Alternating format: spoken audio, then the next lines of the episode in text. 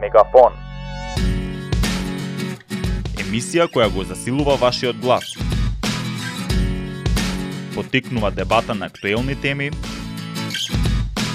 и представува приказни за кои помалку се слуша. Следете не. Неодамна беше финализирана и представена новата национална стратегија за млади, која ќе важи за периодот, периодот од 2023 до 2027 година.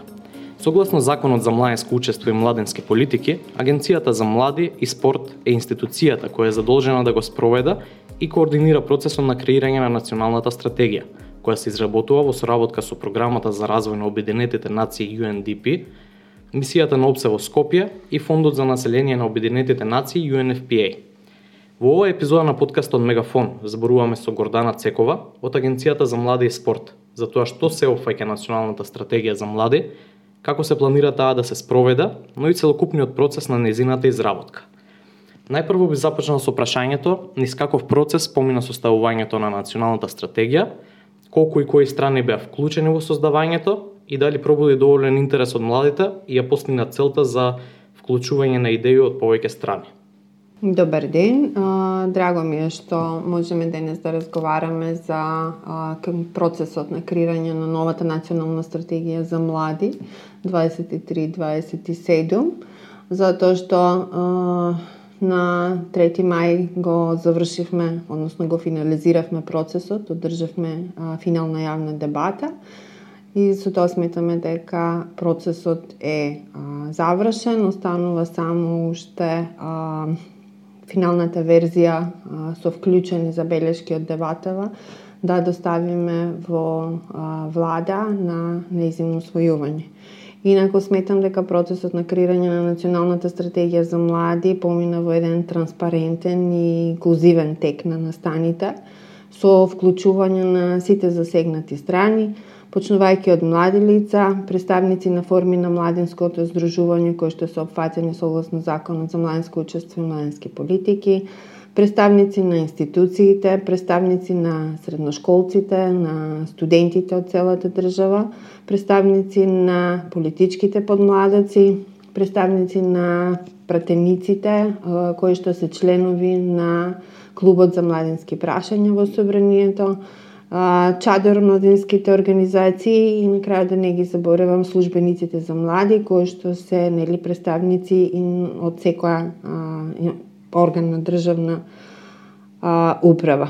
Сметам дека низ текот на процесот се вклучија сите релевантни фактори и од тие причини сметам дека ја постигнавме целта за вклучување на а, повеќе идеи од повеќе страни Секој добиен предлог или коментар од страна на засегнатите страни се земени во предвид и се имплементирани во текстот на новата национална стратегија за млади.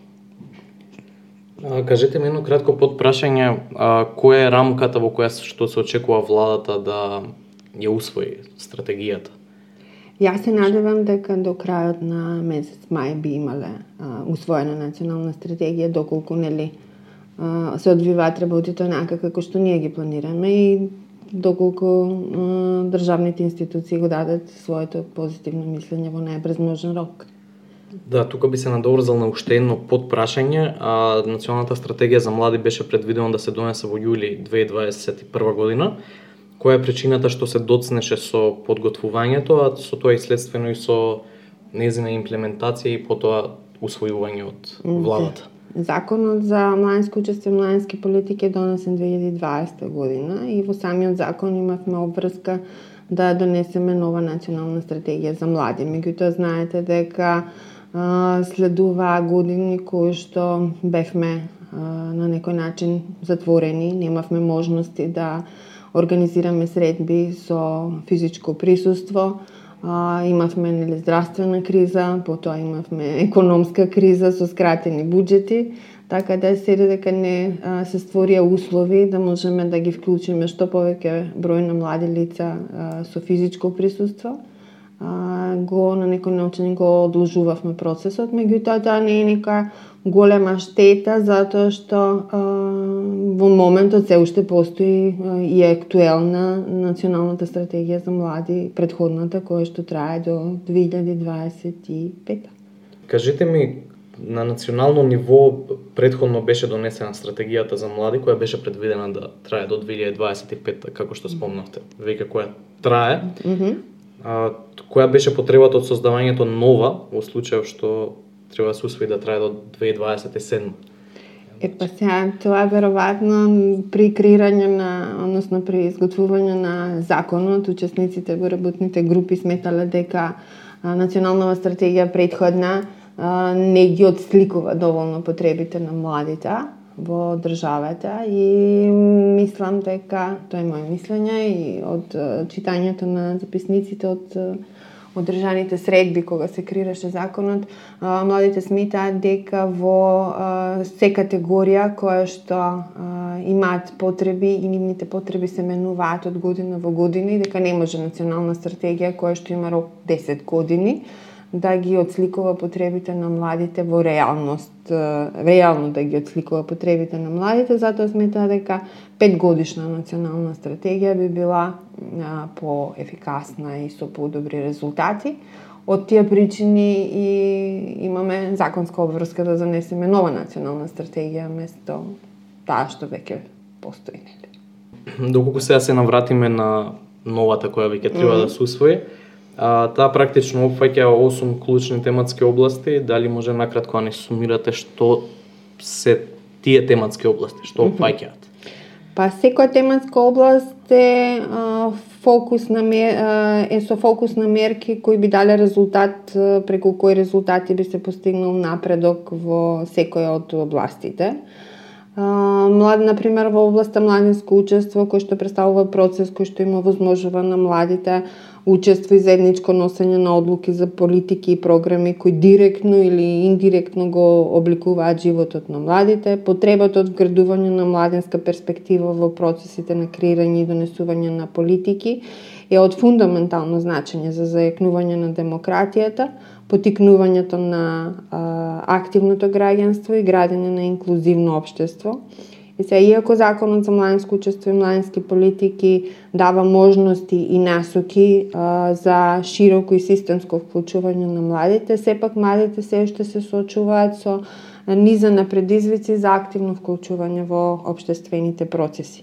Во Националната стратегија за млади се предвидени значи повеќе стратешки цели и мерки кои носат кон подобрување на состојбата во со младинското учество, Истите се насочени кон подобрување на квалитетот на младинското учество во сите сфери на општеството, како и јакнење на улогата на младинскиот сектор, стремејќи се кон препознавање на а, препознавање на младите како рамноправен партнер, партнер на институциите при креирање на политики во области кои што се од интерес на младите со широка примена на можности кои што ги нуди и самиот дигитален простор во а, нашава држава. Наредна тематска област е младенското информирање, кое што представува креирање и споделување на квалитетни и сеопфатни содржини за младите на јазик кој што е разбирлив и прилагоден на младите, како и континуирано градење на вештини за медиумска и дигитална писменост. А, она друго што најмногу ги засега младите е исто така и младинската работа, која што представува зголемена достапност на одржлива и квалитетна плодонуда на младинска работа, спроведена од страна на професионални младински работници во рамки на а, формално препознаен систем на а, младинска работа. Области кои што се исто така опфатени во националната стратегија за млади се образование, култура, здравје, безбедност, предприемништво и подршка – Во образованието најмногу внимание се обрна кон стратешки цели кои што ќе придонесат за модернизирање на образовниот систем по мерка на младите, вклучувајќи подигнување на квалитет на образованието и подготвеноста на младите за пазарот на трудот, подобрување на а, образовната инфраструктура, ревидирање на наставни програми и поддршка на наставниците, како изголемување на соработката и мобилноста на младите во самиот образовен процес. Во културата се тежнееше кон задоволување на улогата на младите како креатори на културни содржини, како учесници во културни програми и како публика. Тоа подразбира и достапна инфраструктура и простор за работа, креација и следење на културни содржини, современо образование и можност за професионална работа во полето, како и подршка на соработка помеѓу младите во домашен и меѓународен контекст, кој што ќе придонесе во градење на кохезивни заедници. Здравје е современа здравствена писменост, се обрна внимание на современата здравствена писменост и информираност на секој млад човек со цел на развивање на соодветни алатки достапни на услуги за менталното, физичкото и сексуалното здравје во рамки на здрава животна средина. Овие пет аспекти на здравје ја рефлектираат цело, целосно целисходноста на дефиницијата на СЗО и овозможуваат на младите развивање на најдобра верзија од самите нив. Безбедноста ни е нова тематска област во Националната стратегија за млади и во истражувањето кое што се спроведе во 2022 во јануари месец. Посебно внимание се обрна на ова затоа што младите не се чувствуваат безбедни во држава, имајќи во предвид и настаните кои што се случуваат во соседниве држави, а се случуваат и кај нас во делот на булингот кај младите, во делот на а, сајбер насилството, па и физичкото насилство помеѓу а, самите а, нели, а, ученици, средношколци и млади луѓе. А, затоа безбедноста ни представува инклузивен системски одговор а, на предизвици од аспект на лична безбедност и сигурност со кои се соочуваат младите, на начин кој што е разбирлив и соодветен за нив и при тоа да се овозможи околина во која тие ќе можат успешно да се развиваат во отпорна, силна и кохезивна средина.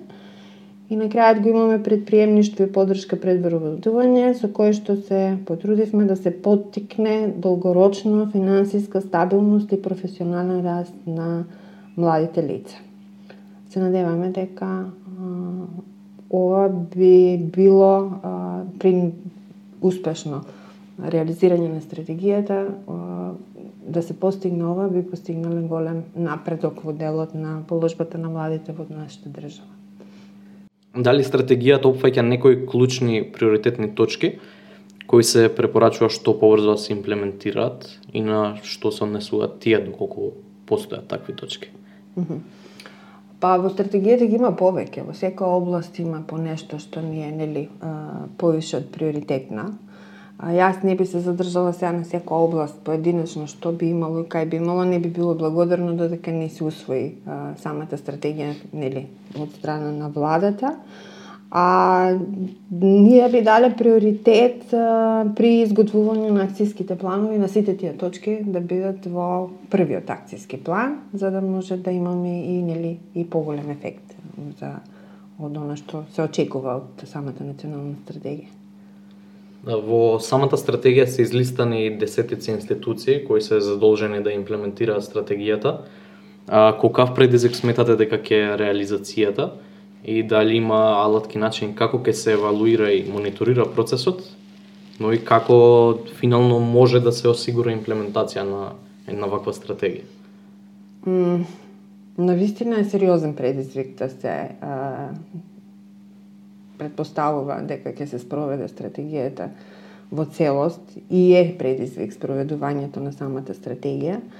Меѓутоа, во самата стратегија е предвиден начин на а, мониторирање на стратегијата, Предвидено е да се спроведе истражување на младинските трендови на исти принципи и начини со истите прашања како што беше во 2022 за да се може да се направи соодветна нели споредба колку ни е напредогот со спроведувањето на мерките и стратешките цели кои што се утврдени во а, стратегијата.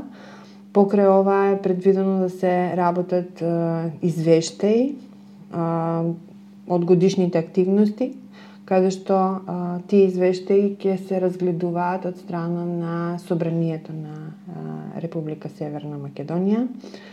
а сигурна имплементација би обезбедила со обезбедување на доволно финансиски средства за имплементирање на све она што ќе го предвидиме во акциските планови за реализирање на националната стратегија, кои што се предвидени да се работат два.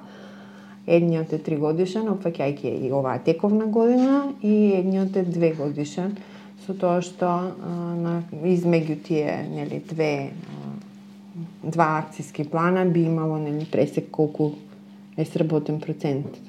Иначе не можеме да занемариме дека и поголем дел од предвидените мерки од предходната стратегија исто така се спроведени, но ќе напоменам дека ние како институција најголем предизвик ни беше мониторирањето на, на предходната национална стратегија. Затоа во оваа национална стратегија самото мониторирање представува дел од стратегијата.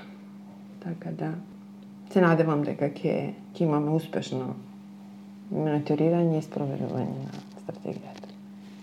Ке се навратам само со уште едно прашање на содржината на стратегијата. Mm -hmm. а, на кој начин таа ги адресира проблемите и исклученоста на маргинализираните групи во тематските целини одредени со стратегијата? Mm -hmm. Што предвидува стратегијата во однос на овие лица?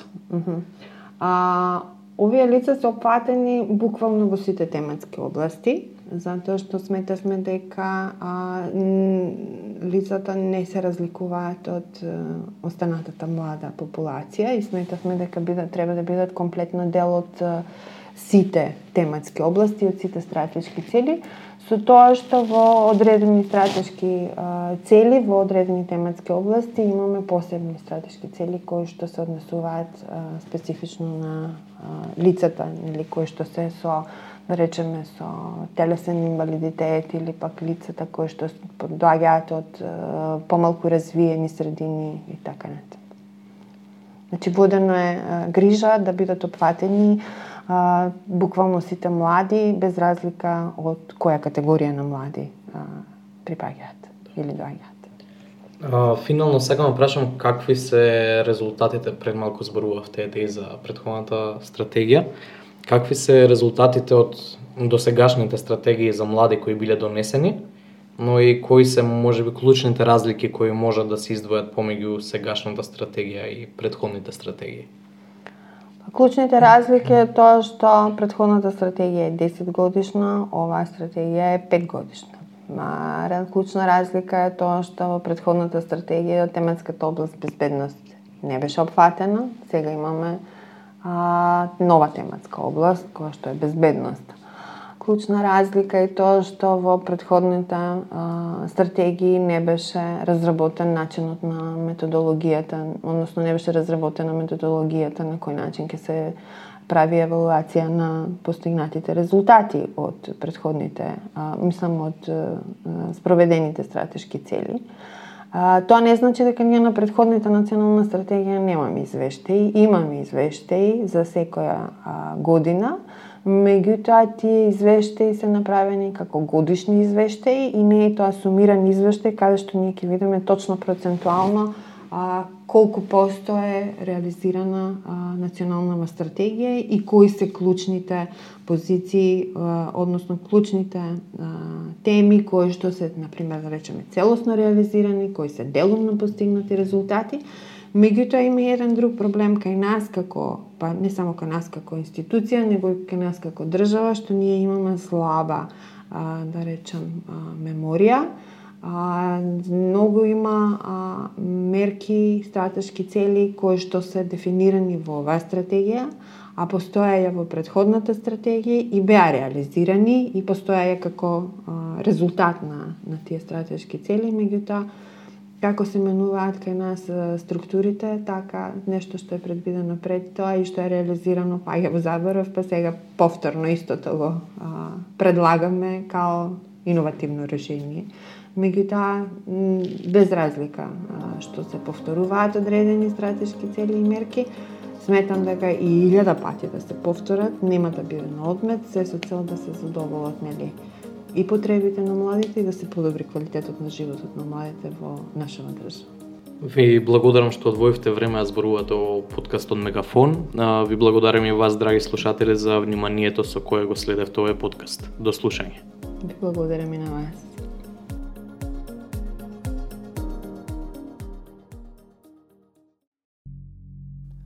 Мегафон. Емисија која го засилува вашиот глас. Потикнува дебата на актуелни теми и представува приказни за кои помалку се слуша. Следете не